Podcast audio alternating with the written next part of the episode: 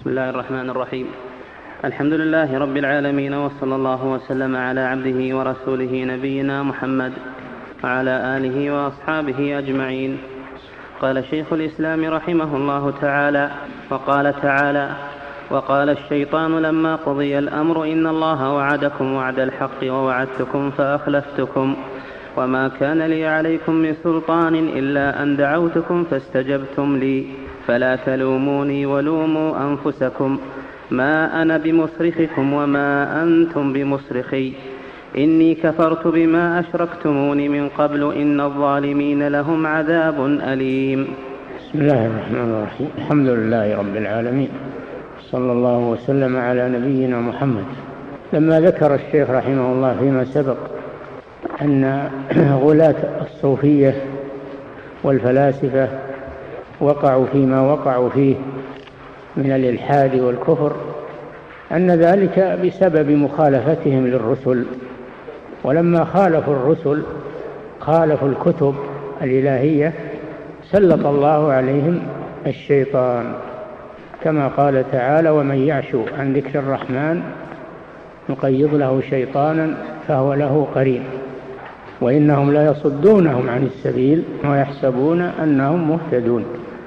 هذا نتيجة إعراضهم عن الرسل والكتب وأخذهم بأهوائهم وعقولهم سلط الله عليهم سلط الله عليهم الشيطان فأضلهم وقادهم وأغواهم. ثم ذكر هنا أن الشيطان الذي أغواهم في الدنيا وقادهم إلى الإلحاد والكفر أنه يتبرأ منهم يوم القيامة. إذا دخل هو وإياهم النار فإنه يتبرأ منهم. وقال الشيطان لما قضي الأمر وحاسب الله الخلائق ودخل أهل الجنة الجنة وأهل النار النار. قال الشيطان لما قضي الأمر إن الله وعدكم وعد الحق ووعدتكم فأخلفتكم. بين لهم أنه هو الذي أخلفهم عن وعد الله سبحانه وتعالى بسبب ذنوبهم وإعراضهم.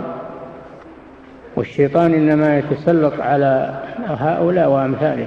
أما العباد المخلصون فإنه لا سلطان له عليه إن عبادي ليس لك عليهم سلطان. والشيطان قال إلا عبادك منهم المخلصين. الذين أخلصوا لله عز وجل فهو يصرح بهذا في النار من أجل أن يحسرهم من أجل أن يحسرهم ويزيدهم من الحسرة والندامة والعياذ بالله. وعدتكم فأخلفتكم. ثم إنه بين لهم أنه ما ما أجبرهم ولا له عليهم سلطة. إجبارية وإنما هم الذين اتبعوه باختيارهم. وما كان لي عليكم من سلطان يعني من حجة ومن ومن إجبار أو قهر. وما كان لي عليكم من سلطان إلا أن دعوتكم فاستجبتم لي. فلا تلوموني ولوموا أنفسكم. لا تلوموني على ما فعلت بكم. لأنني لم أجبركم بل لوموا أنفسكم حيث إنكم انقذتم لي بدون إجبار وبدون سلطة. ثم قال ما أنا بمصرخكم أي بمغيثكم مما أنتم فيه ومنجيكم مما أنتم فيه وما أنتم بمصرخي أي وما أنتم بمنقذي ومناصري مما أنا فيه. إني كفرت بما أشركتموني كفر بما فعلوه في الدنيا بسببه فكفر بهذا قطع العلاقة بينه وبينهم. هذا مصيرهم يوم القيامة وهذا مصير كل من أعرض عن الكتاب والسنة واتبع الشيطان. ومنهم الصوفية منهم الصوفية الذين تركوا الكتاب والسنة وذهبوا مع الشيطان. سيكون مصيرهم هذا. إني كفرت بما أشركتموني من قبل. إن الظالمين لهم عذاب أليم. وأدخل الذين آمنوا وعملوا الصالحات جنات تجري من تحتها الأنهار خالدين فيها تحيتهم فيها سلام. هذه عاقبة من اتبع الرسل. جنات تجري من تحتها الأنهار. وأيضا خالدين فيها لا يخافون أن تؤخذ منهم أو يؤخذون منها أو هي لهم دائما. هذه نتيجة الإيمان بالله وبكتبه وبرسله وباليوم الآخر. ولكن هذا يحتاج إلى صبر. ما هو بيأتي عفوا في الدنيا يحتاج إلى صبر وثبات يحتاج إلى علم ومعرفة. ما هو يأتي عفوا كذا بدون تعب بدون معرفة وبدون ثبات وصبر. ولهذا تقول الملائكة والملائكة يدخلون عليهم من كل باب سلام عليكم بما صبرتم. ما نالوا هذا الشيء بالعفو والسهولة إنما قاسوا وقاسوا وصبروا. سلام عليكم بما صبرتم. فنعم عقب الدار. فالحاصل أن هذا مصير هؤلاء وأمثالهم ممن خالفوا الرسل خالفوا الكتب وأخذوا بعقولهم وأهوائهم وقادتهم الشياطين شياطين الإنس والجن إلى هذا المصير المؤلم الذي لا نجاة لهم منه يوم القيامة. نعم. وقال تعالى وإذ زين لهم الشيطان أعمالهم وقال لا غالب لكم اليوم من الناس وإني جار لكم فلما تراءت الفئتان نكص على عقبيه وقال إني بريء منكم إني أرى ما لا ترون إني أخاف الله والله شديد العقاب. وهذا موقف من مواقف الشيطان مع بني آدم وهو موقفه مع الكفار والمشركين يوم بدر. ظهر لهم في صورة سيد من سادات العرب وقال إني جار لكم إني جار لكم. ومن عادات العرب أن الجوار أنهم يستجيرون بالأقوياء وبالرؤساء وإذ زين لهم الشيطان أعمالهم وقال لا غالب لكم اليوم من الناس وإني جار لكم لا تخافوا فأوردهم وعزمهم على القتال وغرهم غرر بهم على القتال وقال لا غالب لكم اليوم من الناس لا غالب. اليوم لكم من الناس. هذا غرور والعياذ بالله. وإني جار لكم ما أحد يصل إليكم. فلما التحم القتال والتقى الصفان وتراءى الجمعان جمع المسلمين وجمع الكفار هرب الشيطان وتركهم. فلما تراءى الجمعان آه، وإذ زين لهم الشيطان أعمالهم وقال لا غالب لكم اليوم من الناس وإني جار لكم. فلما تراءت الفئتان نكص أي رجع على عقبيه وهو يقول إني جار لكم نكص على عقبيه وقال إني بريء منكم. لما ورطهم رجع عنهم وقال إني بريء منكم. السبب إني أرى ما لا ترون. إيش يرى؟ الملائكة. رأى الملائكة مع الصحابة مع الرسول صلى الله عليه وسلم وأصحابه. والشياطين لا تجتمع مع الملائكة أبدا. فلما رأى الملائكة هرب. إني أرى ما لا ترون. إني أخاف الله. الخوف تو يجي إني أخاف الله. الله شديد العقاب. هذا موقف له في الدنيا وذكر الله موقفه منهم في الآخرة. هذا موقف الشيطان من أوليائه في الدنيا في وقعة بدر وموقفه منهم في الآخرة كما في الآية التي سمعتم. نعم. وقد روي عن النبي صلى الله عليه وسلم في الحديث الصحيح أنه رأى جبريل يزع الملائكة. إني أرى ما لا ترون. تفسير هذه الآية أنه رأى جبريل عليه السلام يزع الملائكة يعني يسوقهم. يسوق الملائكة إلى مشاركة الصحابة في القتال. نعم. والشياطين إذا رأت ملائكة الله التي يؤيد بها عباده هربت منهم. نعم. والشياطين إذا رأت ملائكة الله التي يؤيد بها. عندكم في بعض النسخ التي التي تؤيد بها بالتاء وهذا غلط. يؤيد بها عباده. هرب لأنه ما يجتمع مع الملائكة. نعم. والشياطين إذا رأت ملائكة الله التي يؤيد بها عباده هربت منهم. نعم. والله يؤيد عباده المؤمنين بملائكته. قال تعالى إذ يوحي ربك إلى الملائكة أني معكم فثبتوا الذين آمنوا. نعم هذا في وقعة بدر. يوحي ربك إلى الملائكة أني معكم معية نصرة تأييد. فثبتوا الذين آمنوا فالملائكة تنزل لتثبيت المؤمنين وتأييدهم. لا أنها تقاتل لكنها تؤيد وتساعد المسلمين على أعدائهم. وروي أنهم في بدر قاتلوا أنهم قاتلوا في بدر مع الصحابة. ولكن الغالب أنهم ينزلون لتقوية المسلمين وتطمين المسلمين وإنزال السكينة عليهم. وطرد الشياطين عنهم. نعم. إذ يوحي ربك إلى الملائكة أني معكم الملائكة الذين نزلوا إلى بدر. فثبتوا الذين آمنوا. سألقي في قلوب الذين كفروا الرعب. الله جل وعلا ألقى في قلوب المؤمنين الثبات وإن كانوا قليلين. وألقى في قلوب الكفار الرعب وإن كانوا مثل المؤمنين في العدد والعدة. لكن ما نفعتهم قوتهم.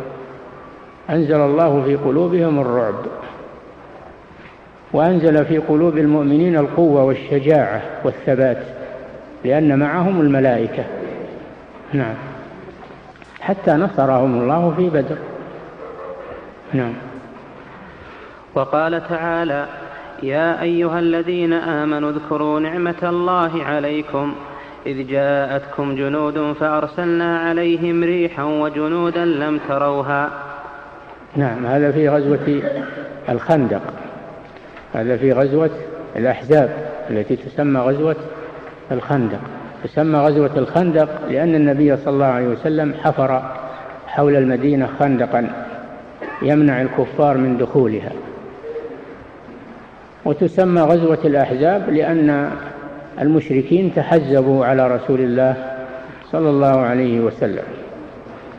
وجاءوا يريدون القضاء عليه وعلى أصحابه بجموع وجنود كثيرة. اذكروا نعمة الله عليكم يعني بالنصر. إذ جاءتكم جنود جنود الكفار ولهم قريش فقط معهم من من من قبائل العرب معهم من قبائل العرب الكثيرة. ولذلك سموا بالأحزاب جنود إذ جاءتكم جنود فأرسلنا عليهم ريحا. لما طال الحصار على المسلمين أنزل الله عليهم في ليلة من الليالي ريحا شديدة. قلعت خيامهم وحصبتهم بالحصبة ووقع الرعب في قلوبهم. فانهزموا. ونزلت الملائكة أيضا مع الريح. فألقت الرعب في قلوب الكفار. فانهزموا مسرعين. رد الله الذين كفروا بغيظهم لم ينالوا خيرا. وكفى الله المؤمنين القتال وكان الله قويا عزيزا. وأنزل الذين ظاهروهم. من هم الذين ظاهروهم؟ أعانوهم يعني اليهود بنو قريظة. خانوا الرسول صلى الله عليه وسلم ونقضوا العهد لأنهم عاهدوا الرسول على أنهم إذا جاء غزية المدينة أنهم يقاتلون معه. فلما جاءت الأحزاب نقضوا العهد وانضموا إلى الأحزاب جاءوكم من فوقكم ومن أسفل منكم. وأنزل الذين ظاهرون غزاهم رسول الله صلى الله عليه وسلم بعد انصراف المشركين وهزيمة المشركين. غزا بني قريظة وحاصرهم حتى نزلوا من حصونهم. وحكم فيهم سعد بن معاذ لأنهم طلبوا تحكيمه أن تقتل مقاتلتهم وأن تسبى نساؤهم وأولادهم وأموالهم. نتيجة لنقضهم العهد. وأنزل الذين ظاهروهم من أهل الكتاب عن اليهود من صياصيهم قصورهم وحصونهم. وقذف في قلوبهم الرعب. فريقا تقتلون وتأسرون فريقا وأورثكم أرضهم وديارهم وأموالهم وأرضا لم تطئوها وهي خيبر التي كانت عند اليهود. أورثهم الله إياها بعد ذلك. نعم. فالحاصل أن أن هذه نتيجة الصبر والثبات للمؤمنين أن المؤمنين تكون معهم الملائكة والكفار تكون معهم الشياطين. نعم. وقال تعالى إذ يقول لصاحبه لا تحزن إن الله معنا. وكذلك في موقف ثالث وهو حالة الرسول صلى الله عليه وسلم لما أراد الهجرة واللحاق بأصحابه أرادوا منعه وتشاوروا فيه واجتمعوا وإذ يمكر بك الذين كفروا ليثبتوك يعني بالحبس أو يقتلوك أو يخرجوك ويمكرون ويمكر الله الله خير الماكرين فأخرجه من بينهم وهم لا يشعرون. وذهب هو وصاحبه إلى غار ثور جنوب مكة واختفيا فيه. أخذ المشركون يطلبونهم بكل وسيلة وجعلوا الجوائز لمن يأتي بهم وبحثوا عنهم حتى وقفوا عليهم في الغار. وقفوا عليهم في الغار ولم يروهم. صرف الله أبصارهم عنهم. إلا تنصروه فقد نصره الله. إذا أخرجه الذين كفروا. ثاني اثنين إذ هما في الغار. إذ يقول لصاحبه لا تحزن إن الله معنا.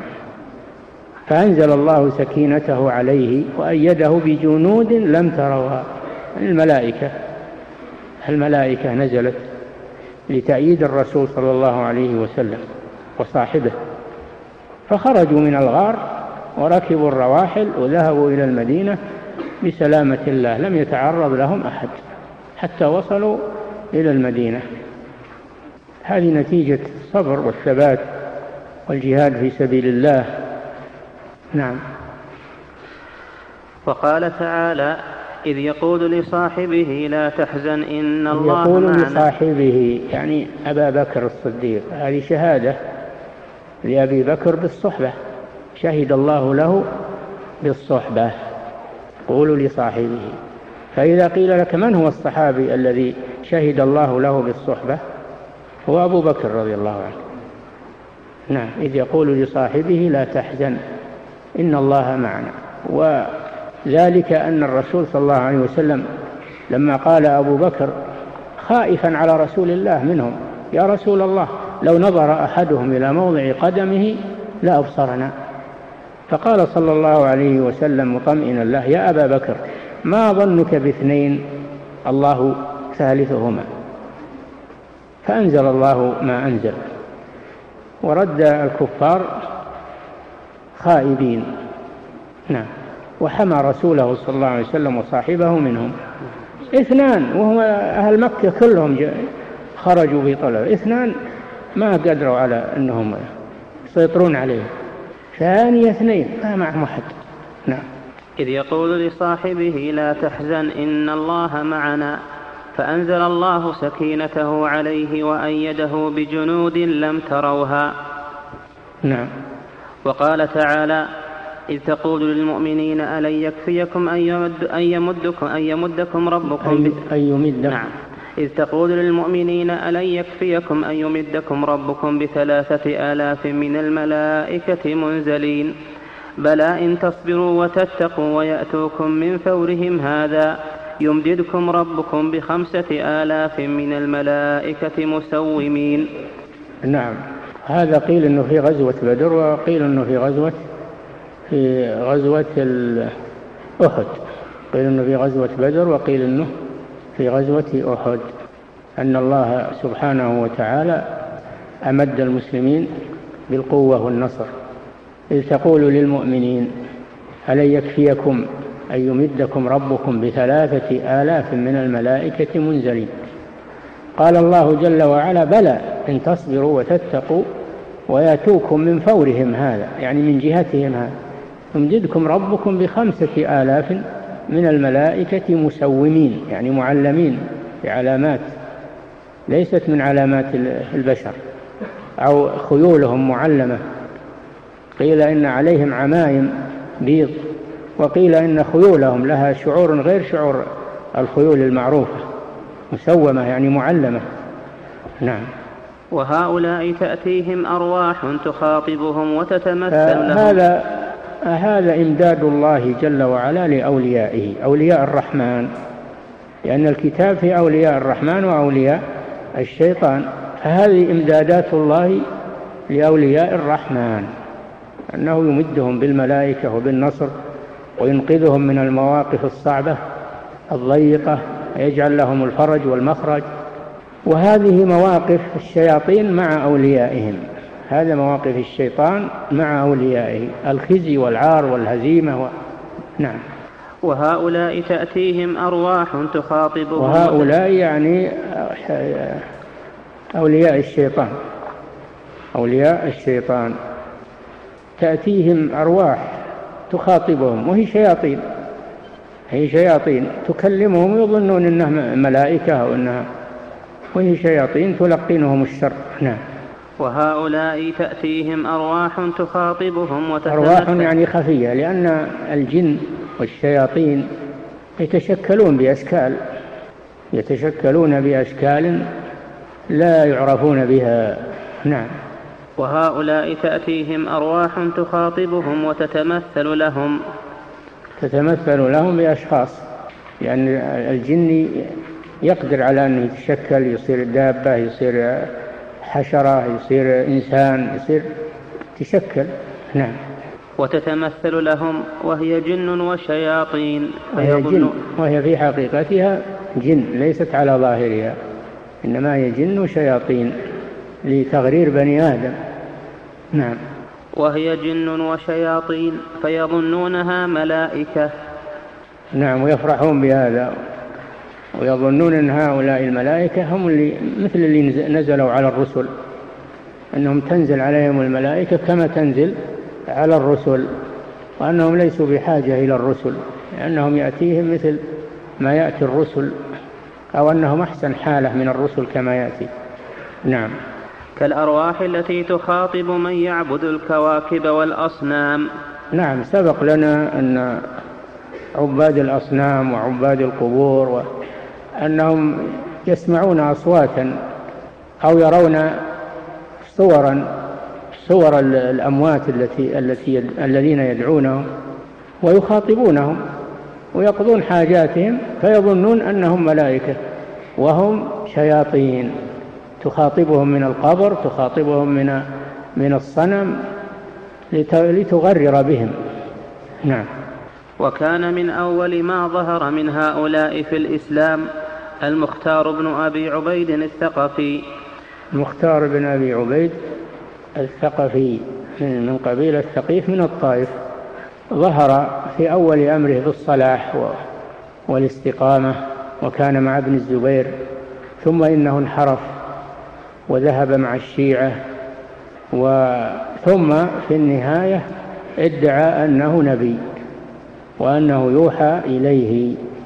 هذا المختار بن أبي عبيد فعلت به الشياطين ما فعلت بأمثاله من الخديعة حتى ادعى النبوة وتخاطبه الشياطين ويظن أنها ملائكة وادعى النبوة مع أنه لا نبي بعد محمد صلى الله عليه وسلم. قد أخبر النبي صلى الله عليه وسلم عن ظهوره فقال يخرج في ثقيف كذاب ومبير. الكذاب هو المختار والمبير يعني الذي يقتل الناس هو الحجاج بن يوسف ثقفي وقد وقد وقع ما أخبر به صلى الله عليه وسلم. ظهر الكذاب هو المختار وظهر الحجاج الذي هو المبير. نعم.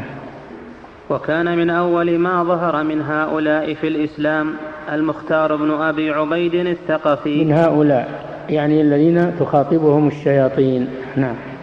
المختار بن أبي عبيد الثقفي الذي أخبر به النبي صلى الله عليه وسلم في الحديث الصحيح الذي رواه مسلم في صحيحه عن النبي صلى الله عليه وسلم أنه قال سيكون في ثقيف كذاب ومبير. نعم. وكان الكذاب المختار وكان الكذاب المختار ابن أبي عبيد. كذابا لأنه ادعى النبوة. نعم. والمبير الحجاج بن يوسف. الحجاج بن يوسف الذي كان أميرا في وقت بني أمية وكان فاتكا شجاعا قويا وكان عقوبة على قتلة عثمان تتبعهم حتى قضى عليهم. ففيه منافع وفيه مضار. وهو مؤمن هو مؤمن ظالم هو ظالم مؤمن. ما هو مثل المختار بن أبي عبيد. نعم. فقيل لابن عمر وابن عباس رضي الله تعالى عنهم إن المختار يزعم أنه ينزل إليه. فقال صدق. قال الله تعالى هل أنبئكم على من تنزل الشياطين؟ تنزل نعم. على كل وقد ها؟ فقيل لابن عمر وابن عباس رضي الله تعالى عنهم إن المختار يزعم أنه ينزل إليه فقال صدق. قال الله تعالى هل أنبئكم على من تنزل الشياطين؟ تنزل على كل أفاك أثيم. نعم. زعم المختار أنه ينزل عليه أو ينزل عليه تنزل عليه ملائكة وأخبروا آه، ابن عباس وابن عمر رضي الله عنهما قالوا صدق. تنزل عليه الشياطين. تنزل عليه الشياطين لأن الله أخبر بذلك. هل أنبئكم على من تنزل الشياطين؟ تنزل على كل أفاك أثيم وهم الكهنة الذين تنزل عليهم الشياطين وتسترق السمع وتكذب معه تنزل على كل أفاك أثيم. يلقون السمع وأكثرهم كاذبون. فهو ينزل عليه صحيح أنه ينزل عليه لكن تنزل عليه شياطين. ليسوا ملائكة. نعم. وقال الآخر وقيل له إن المختار يزعم أنه يوحى إليه. فقال قال الله تعالى وإن الشياطين ليوحون إلى أوليائهم ليجادلوكم. نعم فيه وحيان وحي من الله ووحي من الشيطان. فالمؤمنون الرسل الرسل عليهم الصلاة والسلام ينزل عليهم الوحي من الله. والكهنة والكذابون يأتيهم الوحي من الشياطين يوحون يعني يخبرونهم. الوحي هو الإخبار بخفية. يخبرونهم بأشياء كاذبة تغرر بهم وينخدعون بها لأنهم اتخذوا الشياطين أولياء كما قال الله جل وعلا اتخذوا الشياطين أولياء من دون الله ويحسبون أنهم مهتدون. إنهم اتخذوا الشياطين أولياء. هذا السبب. اتخذوا الشياطين أولياء من دون الله ويحسبون أنهم مهتدون. غرور والعياذ بالله. هذا الذي حصل للمختار بن أبي عبيد ويحصل للكهان. نعم. وهذه الأرواح الشيطانية هي الروح التي يزعم صاحب الفتوحات أنه ألقي إليه ذلك الكتاب. نعم صاحب الفتوحات الذي هو ابن عربي. له مؤلف اسمه الفتوحات المكية ومؤلف آخر اسمه فصوص الحكم مشحونين بالضلال والإلحاد. ويزعم أنه ألقي إليه هذا الكتاب وصح صحيح أنه ألقي إليه لكن من الذي ألقاه إليه؟ الشيطان ألقاه إليه. نعم. ولهذا يذكر أنواعا من الخلوات بطعام معين وشيء أعد. وهذه الأرواح الشيطانية هي الروح التي يزعم صاحب الفتوحات أنه ألقي إليه ذلك الكتاب. ابن عربي. والكتاب الفتوحات أو خصوص الحكم. أنه جاءه آت وأعطاه الكتاب. وقال إنه الرسول. اللي جاء هو الرسول وأعطاه الكتاب هذا. وهو شيطان. نعم. ولهذا يذكر أنواعا من الخلوات بطعام معين وشيء معين. نعم من من شطحات الصوفية وضلالهم أنهم ينعزلون عن الناس في خلوات أياما ولا يأكلون ولا يشربون حتى تصفو أرواحهم. ومنهم من يهيئ نفسه للرسالة منهم من يهيئ نفسه للرسالة. ويخلو يريد أن تنزل عليه الملائكة تصفو روحه. خداع من الشيطان والعياذ بالله. نعم ينعزل ويترك الطعام والشراب وتصفو روحه للشيطان فينزل عليه الشيطان عند ذلك. أما المؤمن فهو ما يخلو ولا ينعزل يذهب يصلي مع المسلمين ويجالس المسلمين ويحضر حلق الذكر والدروس أما هؤلاء فينعزلون حتى يحصل لهم الضلال. ولا حول ولا قوة إلا بالله.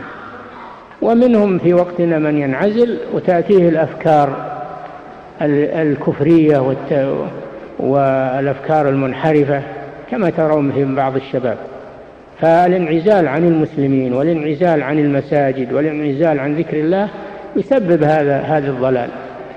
إما أن الشياطين شياطين الجن تأتيه وتضله وإما شياطين الإنس.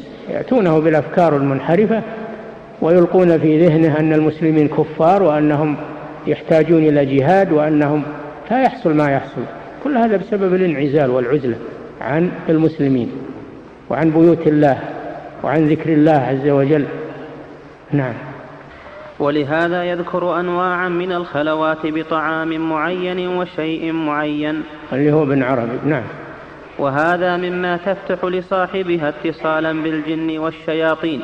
نعم إذا إذا خلا وترك الأكل والشرب مدة يأتيه الشيطان ويغره ويظن أنه ملك من الملائكة. نعم. وهذا مما تفتح لصاحبها اتصالا بالجن والشياطين. فيظنون ذلك من كرامات الأولياء وإنما هو من الأحوال الشيطانية. يظنون أن الذي يحصل لهم من هذه الغرائب أنه من الكرامات وأنهم أولياء أو أولياء لله. والواقع أن هذه ليست كرامات إنما هي خوارق شيطانية وأنها إهانة لهم على يد الشيطان ليضلهم. نعم. وأعرف من هؤلاء عددا. الشيخ يعرف من من هؤلاء الذين ابتلوا بهذه الخلوات وهذه النزغات يعرف منهم عددا في وقته رحمه الله. نعم. ومنهم من كان يحمل في الهواء إلى مكان بعيد ويعود. ومنهم من تخدمه الشياطين إذا تقرب إليهم وأطاعهم خدموه فصاروا يطيرون به في الهواء. يظن الناس أنه هو اللي يطير بنفسه ويقولون هذه كرامة. يطير في الهواء يمشي على الماء يمشي على البحر ولا يغرق يدخل النار والجمر وما أشبه ذلك ولا تأكله وإنما هذه أعمال شيطانية. الشياطين تحمله تعمل له هذه الأشياء بسبب أنه أطاعهم فخدموه كما قال تعالى ويوم يحشرهم جميعا يا معشر الجن والإنس يا معشر الجن قد استكثرتم من الإنس وقال أولياؤهم من الإنس ربنا استمتع بعضنا ببعض وبلغنا أجلنا الذي أجلت لنا. استمتع بعضنا ببعض فالإنس أطاع الجن فهذا استمتاع الجن بالإنس أنه أطاعه. والجن خدم الإنس حمله في الهواء وما أشبه ذلك من آه، الخوارق فهذا استمتاع من الإنس بالجن.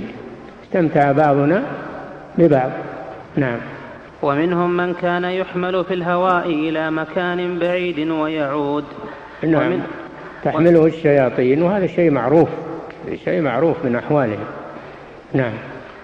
ومنهم من كان يؤتى بمال مسروق تسرقه الشياطين وتأتيه ومنهم من يحضر الأشياء المفقودة. إذا ضاع لأحد شيء راح لمه المسكين وقال ضاع لي كذا فيحضر يحضر له ماله. ويظن المسكين الإنسي يظن أن هذا من كراماته وأنه أحضر هذا الشيء. وهو من عمل الشيطان. الشيطان هو الذي يحضر له هذا الشيء. لأن الشياطين تقدر على ما لا يقدر عليه الإنس وتطلع على ما لا يطلع عليه الإنس. فتأتيه بالشيء المفقود. أو تخبره أن مالك في المحل الفلاني. لأنها تطلع. أو أنها تسرق من أموال الناس وتأتي له بالمال. ويقول هذا كرامة هذا حضر كرامة من الله وهو من الشيطان وهو من الله. لأنه سبق لكم أن الخارق للعادة إذا كان مع الاستقامة والطاعة فهو كرامة. وإن كان مع الكفر والضلال فهو خارق شيطاني وليس كرامة من الله عز وجل. نعم. فلا يشتبه هذا بهذا. نعم. ومنهم من كانت تدله على السرقات بجعل يحصل, بجعل يحصل له من الناس. نعم إذا سرق لهم شيء جاءوا إليه للكاهن أو من هؤلاء المتصوفة الضلال وهم كهنة يتحولون إلى كهنة فيخبرونهم وين مال المسروق وين هو فيه ومكانه من الذي سرقه. فيظن الناس إن هذا من عنده وما هو من عنده من عملائه الشياطين. نعم. ومنهم من كانت تدله على السرق على السرقات بجعل يحصل له من الناس. نعم يعطونه أجرة يحضر لهم مسروقاتهم أو يخبرهم وين هي فيه. يقول له بعيرك أو ضالك أو شاتك في المحل الفلاني ترعى في كذا. نعم. إذا ذهب وجدها في المكان وش اللي يدراه؟ الشيطان. نعم. ومنهم من كانت تدله على السرقات بجعل يحصل له من الناس أو بعطاء يعطونه إذا دلهم على سرقاتهم ونحو ذلك. نعم. ولما كانت أحوال هؤلاء شيطانية كانوا مناقضين للرسل صلوات الله تعالى وسلامه عليهم. نعم لما كانت أحوالهم شيطانية كانوا مناقضين للرسل عليهم الصلاة والسلام. نعم. فرق, فرق بين من تنزل عليه الملائكة ومن تنزل عليه الشياطين. فرق بين هذا وهذا. نعم. كما يوجد في كلام صاحب الفتوحات المكية وكتاب الفصوص. كل هذا أكثر هذه الضلالات كلها موجودة في هذين الكتابين لابن عربي الحاتمي الطائي. نعم. كما يوجد في كلام صاحب الفتوحات المكية والفصوص. نعم. وأشباه ذلك يمدح الكفار مثل نعم. قوم نوح وهود وفرعون وغيرهم نعم كما يوجد في كلام صاحب الفتوحات المكية والفصوص وأشباه ذلك يمدح الكفار مثل قوم نوح وهود وفرعون وغيرهم ويتنقى نعم, نعم. لأن في في كتبهم مدح الكفار وأنهم أبطال وأنهم وأنهم لهم يعني مكانة ولهم. فيمدحون قوم هود وقوم صالح وقوم نوح لأنهم إخوانهم لأنهم كفار مثلهم. فيمدحونهم. مع الأسف الآن وجد من كتابنا من يمدح ابن عربي ويمدح يقول هؤلاء أصحاب أفكار نيرة ولكن أنتم تحسدونهم وأنتم وأنتم. ويلقي باللائمة على الخلفاء الذين قتلوا هؤلاء يقول هؤلاء قضوا على الفكر المستنير وقضوا على هذا موجود في بعض صحفنا مع الأسف. نعم.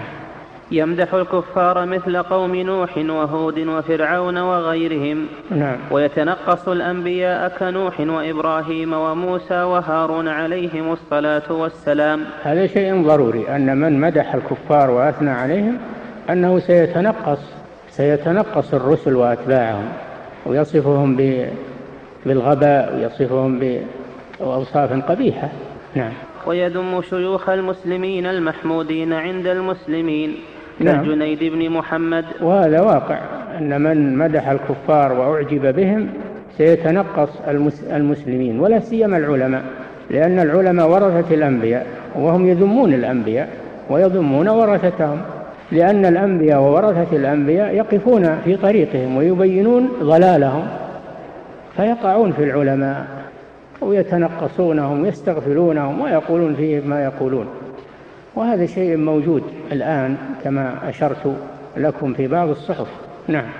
ويذم شيوخ المسلمين المحمودين عند المسلمين كالجنيد بن محمد وسهل بن عبد الله التستري قدماء الصوفية العباد الزهاد الذين لم يدخلوا هذه المداخل وإنما هم عباد وزهاد وأتقياء لله عز وجل معروفون وعلماء أيضا.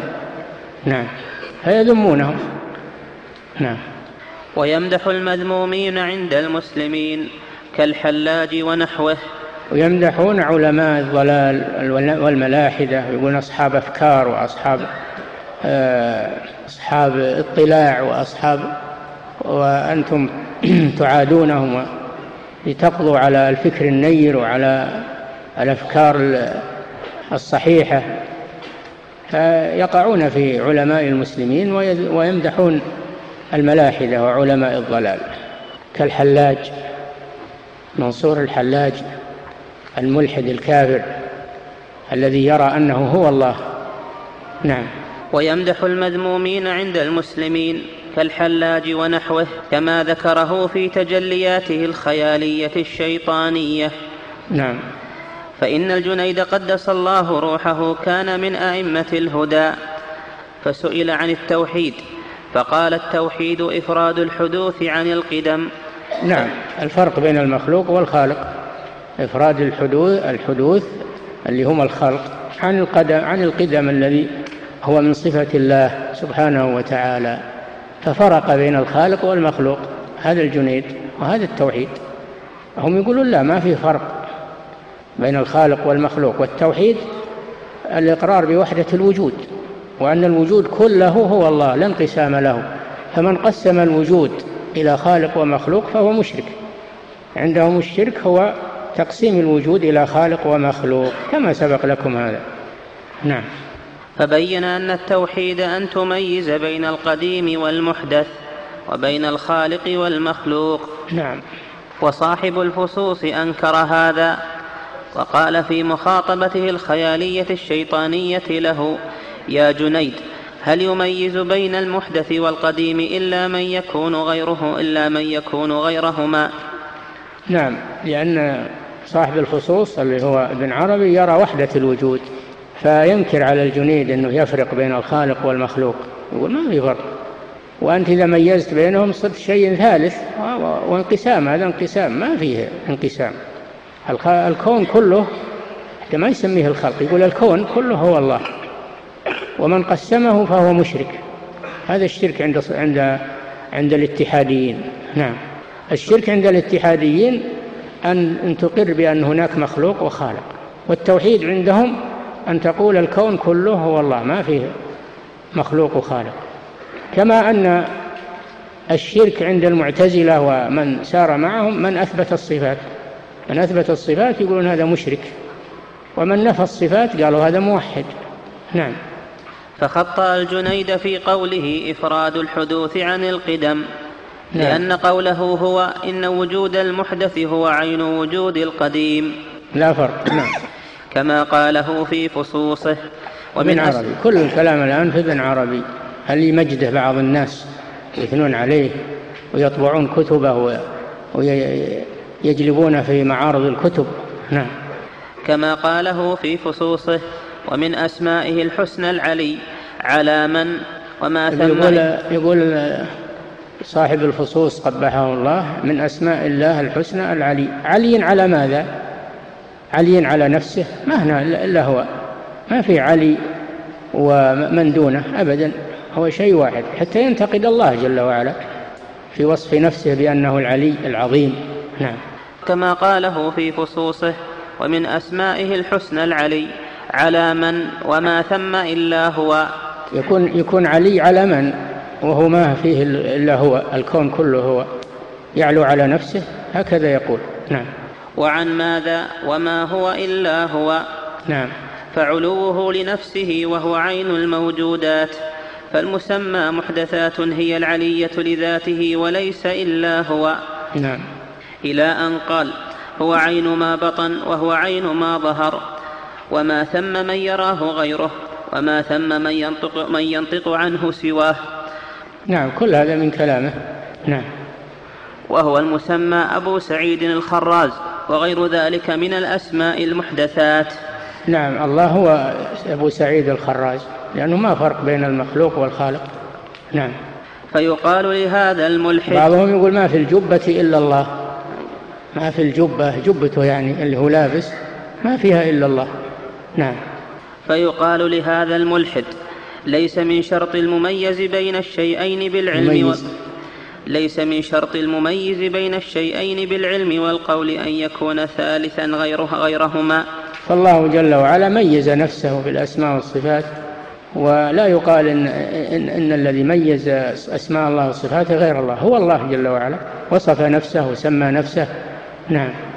فإن كل واحد من الناس يميز بين نفسه وغيره وليس هو ثالث. فالعبد يعرف أنه عبد ويميز بين نفسه وبين خالقه. ولهذا يقول شاعرهم يقول العبد رب والرب العبد رب والرب عبد. ليت شعري من المكلف؟ كيف يكلفه ما فيه؟ الرب هو العبد والعبد هو الرب. نعم. فالعبد يعرف أنه عبد ويميز بين نفسه وبين خالقه. والخالق جل جلاله يميز بين نفسه وبين مخلوقاته نعم. ويعلم أنه ربهم وأنهم عباده. نعم. كما نطق بذلك القرآن في غير موضع. ولكن لما قيل لهم هذا يخالف ما في القرآن قالوا القرآن شرك. القرآن شرك لأنه ميز بين الخالق والمخلوق. هذا شرك. عندهم ما فيه تمييز. الكون كله هو الله ولا ينقسم. نعم. والاستشهاد بالقرآن عند المؤمنين الذين يقرون به باطنا وظاهرا. وأما هؤلاء الملاحدة فيزعمون ما كان يزعمه التلمساني منهم وهو أحذقهم في اتحادهم. هذا التلمساني من من أقطاب وحدة الوجود العفيف التلمساني. نعم. فيزعمون ما كان يزعمه التلمساني منهم وهو أحذقهم في اتحادهم. نعم. لما قرئ عليه الفصوص فقيل له القرآن يخالف فصوصكم فقال القرآن كله شرك إيه وإنما لماذا شرك عنده؟ لأنه يقسم الكون إلى خالق ومخلوق. هذا الشرك عندهم التوحيد هو أنه لا يقسم الكون. الكون كله هو الله. نعم. فقيل له القرآن يخالف فصوصكم فقال القرآن كله شرك وإنما التوحيد في كلامنا. نعم. فقيل له في كلامنا أن الكون كله هو الله ما في تقسيم بين خالق ومخلوق. نعم هذا هو التوحيد عندهم. نعم. فقيل له فإذا كان الوجود واحدا فلم كانت الزوجة حلالا والأخت حراما؟ إيه لماذا تميز هذا وهذا؟ الزوجة حلال والأخت حرام. دل على أن هذا غير هذا. الأخت غير الزوجة ولا صار كلها زوجة أو كلها أخت. نعم.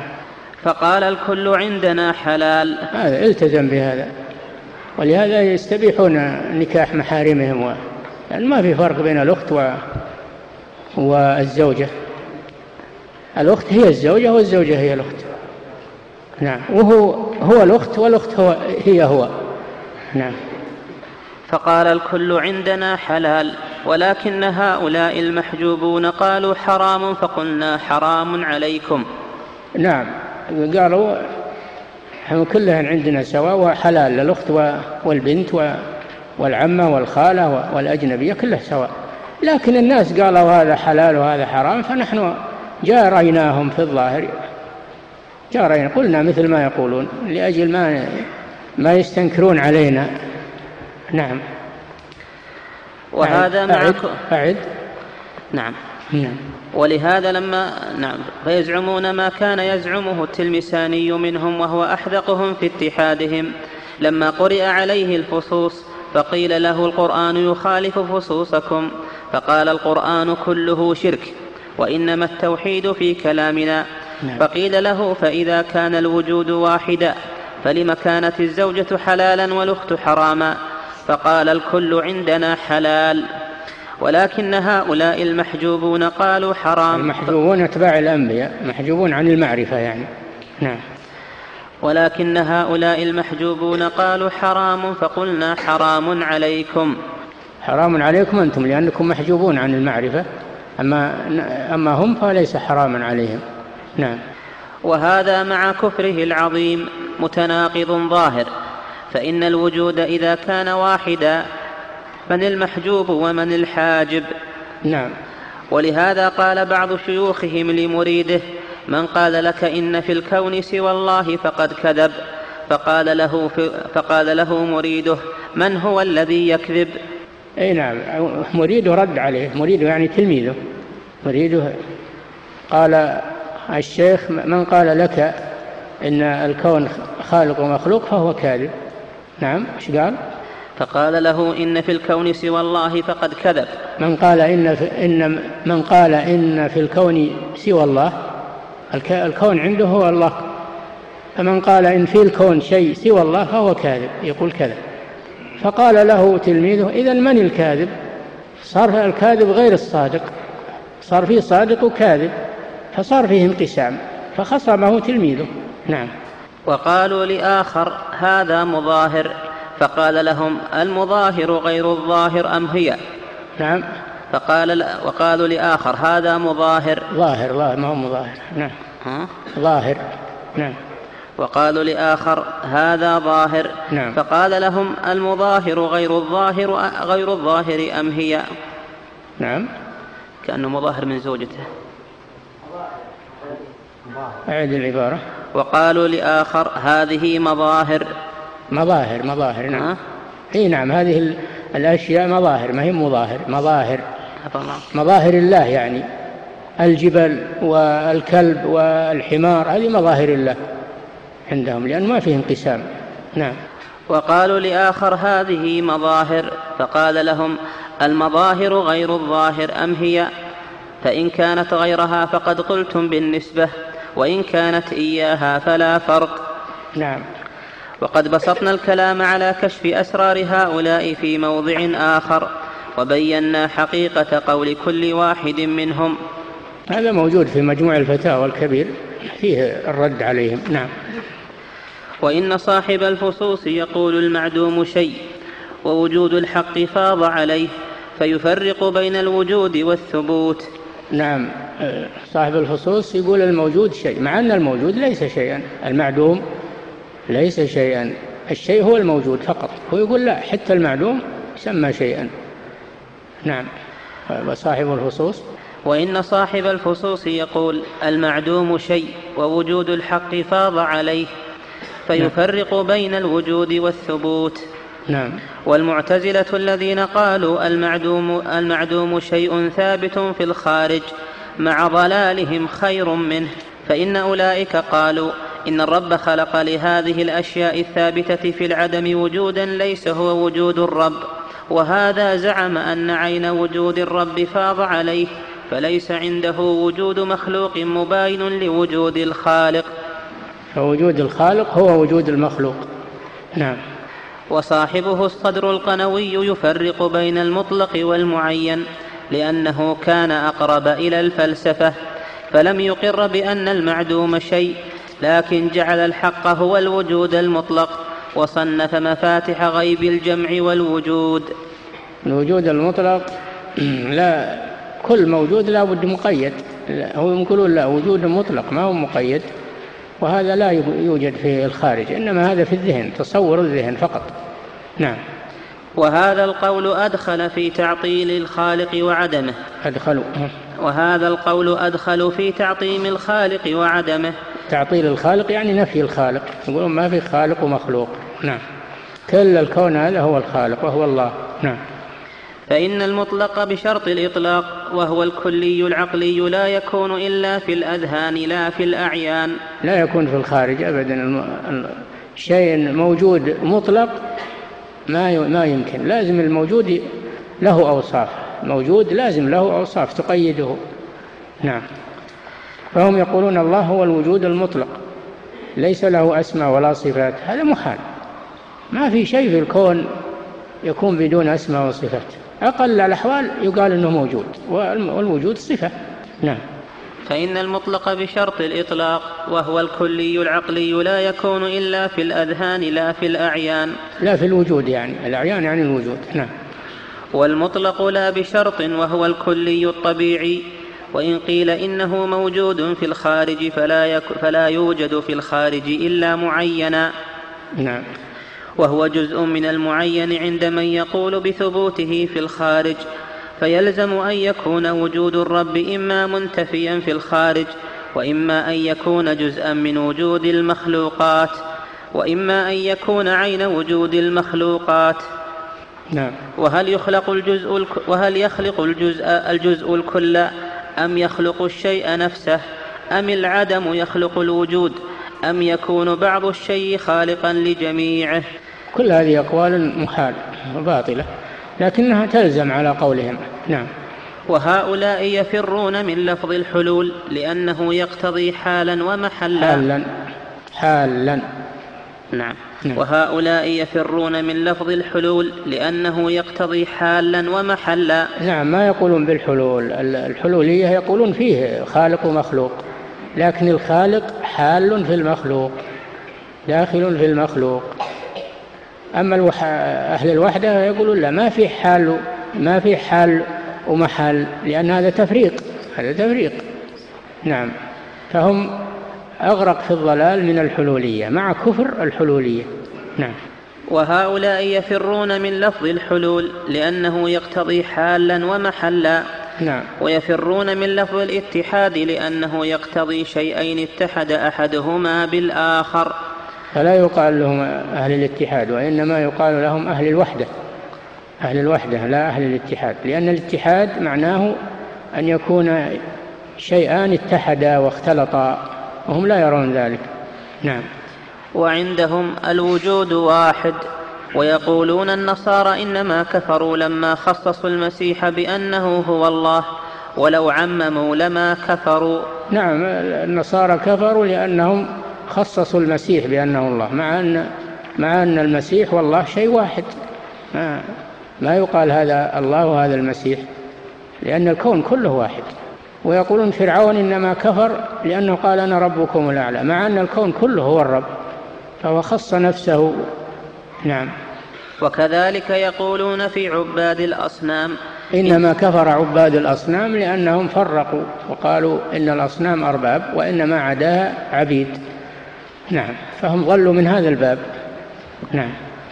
وكذلك يقولون في عباد الأصنام إنما أخطأوا لما عبدوا بعض المظاهر دون بعض. نعم. فلو عبدوا الجميع لما أخطأوا عندهم. لو عبدوا الكون كله ما أخطأوا لكن إذا عبدوا الأصنام هذه بعض من الكون فيكون بعضوا وهذا شرك عندهم. نعم. والعارف المحقق عندهم لا يضره عبادة الأصنام. لا يضر عبادة الأصنام لأنه ما عبد إلا الله. حتى لو عبد الكلب والخنزير يقولون هذا ما عبد إلا الله لأن هذه مظاهر لله عز وجل. نعم. وهذا مع ما فيه من الكفر العظيم. ففيه ما يلزمهم دائما من التناقض لأنه يقال لهم من المخطئ. نعم. لكنهم يقولون إن الرب هو الموصوف بجميع النقائص التي يوصف بها المخلوق. نعم. لا فرق بين الخالق والمخلوق. فالمخلوق مع نقائصه وما فيه من العيوب يقولون هو الله جل الله عن ذلك. نعم. ويقولون إن المخلوقات إن المخلوقات توصف بجميع الكمالات التي يوصف بها الخالق. لأنها هي هو ما في فرق. نعم. ويقولون ما قاله صاحب الفصوص فالعلي لنفسه هو الذي يكون له الكمال الذي يستوعب به جميع النعوت الوجودية والنسب العدمية سواء كانت محمودة عرفا أو عقلا أو شرعا أو مذمومة عرفا وعقلا وشرعا. وليس ذلك إلا لمسمى الله خاصة.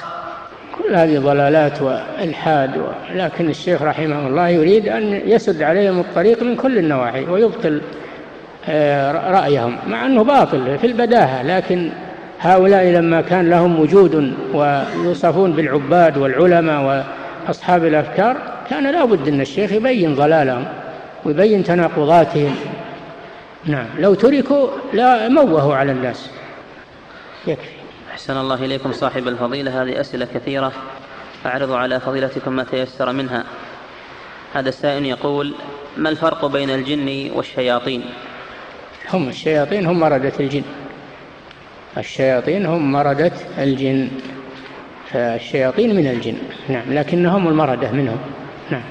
أحسن الله إليكم صاحب الفضيلة. وهذا السائل يقول ما صحة قول من يقول أن شيخ الإسلام ابن تيمية كان على طريقة من الطرق الصوفية؟ حاشا وكلا.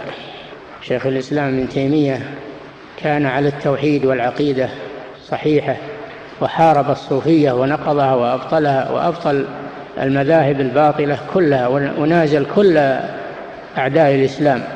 وهذا متخرص كذاب هذا متخرص وكذاب. إما أنه جاهل ولا يدري وإما أنه كذاب يريد أن يتنقص شيخ الإسلام ابن تيمية. نعم. أحسن الله إليكم صاحب الفضيلة وهذا السائل يقول هل إمداد, هل إمداد الله بالملائكة لأوليائه؟ هي من كرامات قد تحدث لغير الأنبياء وهل لهذه شواهد؟ ما هي هذه كرامات الكرامات اللي تشاف وتوجد. وأما إمداد الله بالملائكة للمؤمنين فنعم الملائكة تنزل تمد المؤمنين وتمد الرسل أيضا. لكن فرق بين إمدادها للرسل وإمدادها لأهل الإيمان الذين هم من أتباع الرسل. وما أمدت أتباع الرسل إلا لأنهم اتبعوا الرسل. نعم. ولذلك قالوا كرامات الأولياء معجزات للأنبياء لأن الأولياء ما حصلوا على هذه الكرامات إلا بسبب اتباعهم للأنبياء. نعم. أحسن الله إليكم صاحب الفضيلة وهذا السائل يقول ولهذا قال جل وعلا إن, إن الذين قالوا ربنا الله ثم استقاموا تتنزل عليهم الملائكة ألا تخافوا ولا تحزنوا. فالملائكة تصاحب المؤمن وتؤيده وتناصره بأمر الله سبحانه وتعالى. نعم. أحسن الله إليكم صاحب الفضيلة وهذا السائل يقول هل هناك فرق بين الشيعة والرافضة؟ لا الشيعة فرقة من الرافضة لأن الشيعة أقسام. من منها أقسام الشيعة الرافضة. نعم. أحسن الله إليكم صاحب الفضيلة وهذا السائل يقول هل الشياطين تقاتل مع الكفار؟ وهل الملائكة قد تنزل في وقتنا الحاضر لنصرة المسلمين؟ الشيعة الشياطين تقاتل مع الكفار؟ ما أدري ما, ما ثبت هذا. إنه بل إنها تغري الكفار ثم تتخلى عنهم لأن عدو هي عدو لبني الإنسان. كيف تناصرهم وهي عدو لهم؟ ولا ثبت هذا إن الشياطين تقاتل مع الكفار وهم أجبن من ذلك وأخس من ذلك وإنما يورطون بني آدم ثم يتخلون عنهم. هذا السؤال السؤال الثاني. يقول وهل الملائكة قد تنزل في وقتنا الحاضر لنصرة المؤمنين؟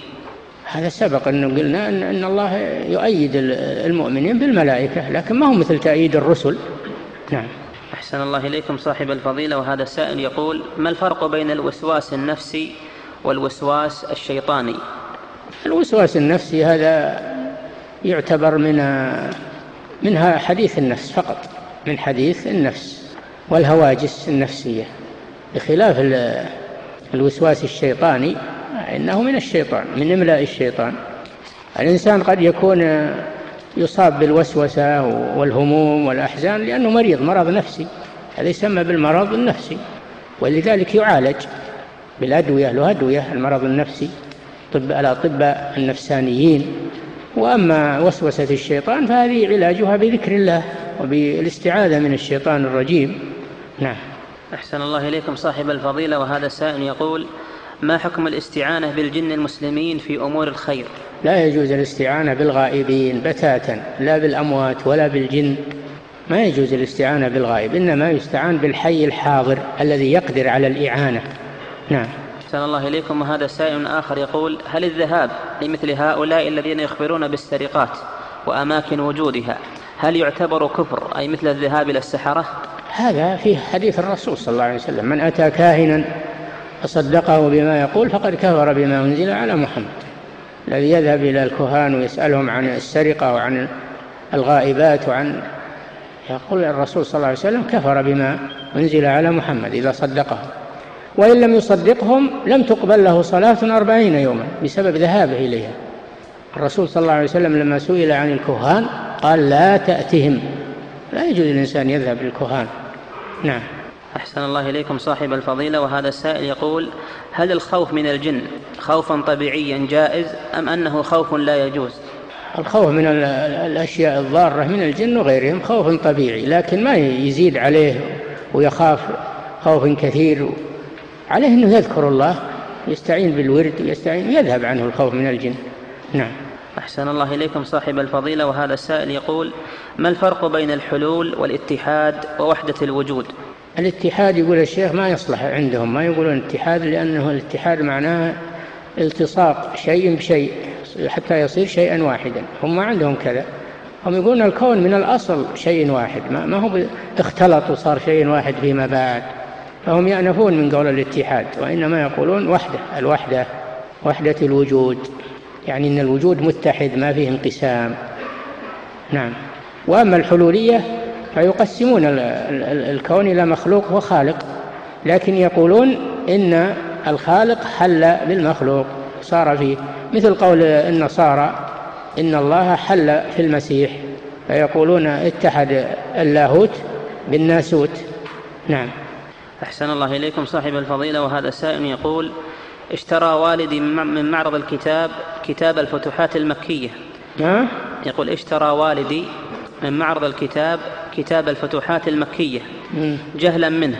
وكذلك اشترى قديما كتاب الأغلال حتى إن تجار المكتبات يستغلون الناس لكي يشتروا منهم هذه الكتب حتى المنحرفة. حتى حتى إن تجار المكتبات يستغلون الناس لكي يشتروا منهم هذه الكتب المنحرفة بأسعار غالية. السؤال ما واجبي تجاه والدي؟ وكيف أصنع بهذه الكتب وسبق أن ناقشته, أن ناقشته في كتاب الأغلال ولكنه لم يأبه بي. هذا لا شك أنه من إهمال الرقابة على المعارض والرقابة على الكتب وأنه يتولى هذه المعارض أناس إما جهال ولا يفرقون بين كتب الضلال وكتب الخير وإما أنهم ضلال ملاحدة لا يفرقون بين هذا وهذا والواجب أن تكون رقابة رقابة صارمة على هذه المعارض من أهل العلم وأهل العقيدة يمنعون مثل هذه الكتب.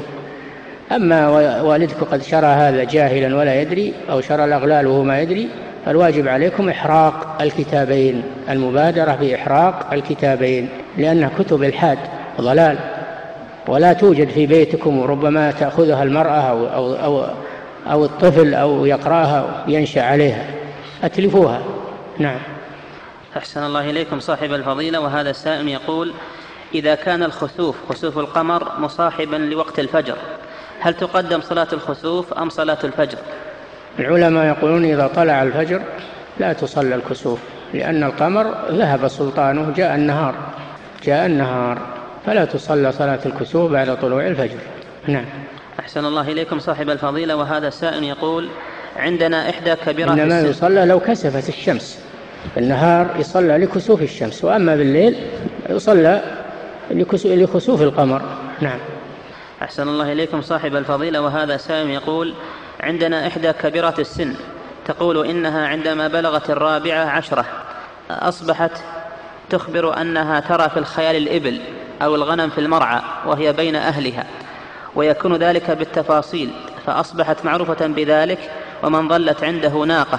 يذهب إليها فأخبرته بمكانها وحالها بدون أن تعمل شيئا من الكهانة فذهبت بها أمها إلى مداوية إلى كاهنة فأشارت عليها أن تقرب كبشا للجن ثم فعلت فذهب عنها ذلك. كل هذا ضلال وخطأ. قد يكون عنده حدة بصر ترى البعيد هذا ممكن. هذا ممكن أنه يكون حدة بصر في الإنسان ولذلك من الناس من يرى الهلال ومنهم من يرى البعيد وزرقاء اليمامة كانت تبصر البعيد وتنذر قومها بالعدو من بعيد. يمكن يكون فيه قوة بصر وحدة بصر عند بعض الناس خلقة من الله سبحانه وتعالى. وقد يكون هذا بسبب الشياطين إن الشياطين هي التي تحضر لها الأشياء وتراها وتكون هذا من من عمل الشياطين. وما فعلته أنها ذهبت بها للكائن هذا خطأ. والذبح أيضا شرك شرك بالله عز وجل الذبح لغير الله وكل هذا خطأ بخطأ. نعم. أحسن الله إليكم صاحب الفضيلة وهذا السائل يقول نرى في بعض أماكن الملاهي والمهرجانات وجود أشخاص يقومون بأعمال مثل أكل الزجاج والمشي على المسامير وأكل الجمر والعقارب والحيات. ما هو التوجيه من فضيلتكم لنا وكيف ننكر هذا الأمر؟ هذا سحر سحر تخيل يكذبون ما يأكلون العقارب والحيات لكن يخيل لمن عندهم أنهم يفعلون ذلك وهم لا يفعلونه لما يضعون على الأعين من السحر كما قال الله جل وعلا عن سحرة فرعون أنهم سحروا أعين الناس واسترهبوهم. أعين الناس سحروا أعين الناس واسترهبوهم وجاءوا بسحر عظيم. وقال عن موسى عليه السلام يخيل إليه شوف يخيل إليه من سحرهم أنها تسعى. هذا سحر تخييلي ويسمى بالقمرة وهذا باطل. ولا يجوز جلب هؤلاء السحرة إلى بلاد المسلمين ولا إلى آه، المصطافات أو أو الحفلات. لا يجوز تمكين السحرة وجعلهم يعملون السحر بين المسلمين. هذا يجب منعه ويجب الإنكار عليه ومن رأى شيء فليبلغ عنه أو أو ينكر على صاحب المحل ويعظه لعله يمنع هذا الشيء. فإن لم يجدي النصيحة فيبلغ عنه الهيئات للأخذ على يده. نعم. أحسن الله إليكم صاحب الفضيلة. هذا سائل يقول ما رأيكم بالذي يعرف عند الناس بقصاص الأثر أو المري وهو الذي يدل على الآثار أو على الأشياء المسروقة؟ الأشياء المسروقة لا ما يدري عنها المري إنما يعرف الآثار هذا صحيح يعرف الآثار. قال الله جل وعلا إن في ذلك لآيات للمتوسمين. من الناس من عنده حذق ذكاء يعرف أثر فلان وأثر فلان ويعرف أثر المرأة من أثر الرجل ويعرف يعني يميز بين الآثار. هذه هذا حذق من الله عز وجل لأجل مصالح العباد.